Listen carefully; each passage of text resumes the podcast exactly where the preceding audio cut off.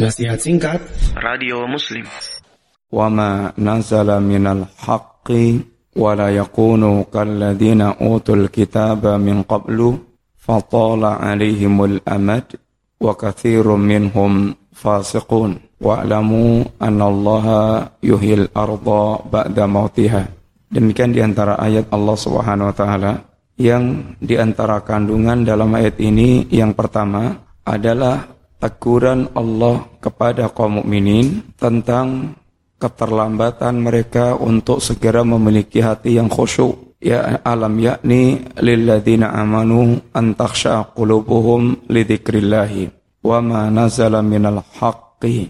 Apakah belum datang waktunya orang-orang yang beriman hatinya khusyuk disebabkan mengingat Allah dan disebabkan keberadaan Al-Quran yang diturunkan oleh Allah Subhanahu wa Ta'ala.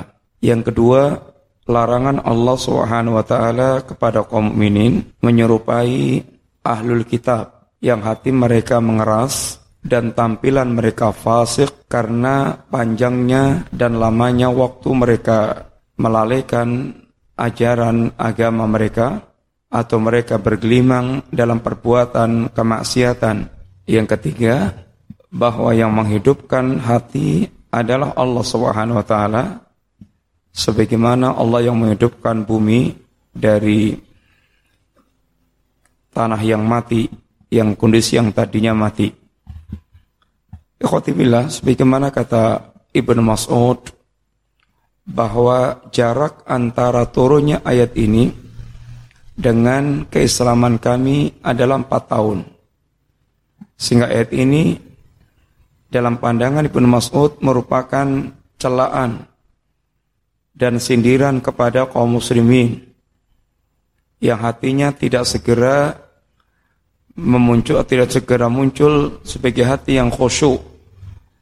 Sedangkan telah cukup lama waktu keislaman mereka alias kapan lagi?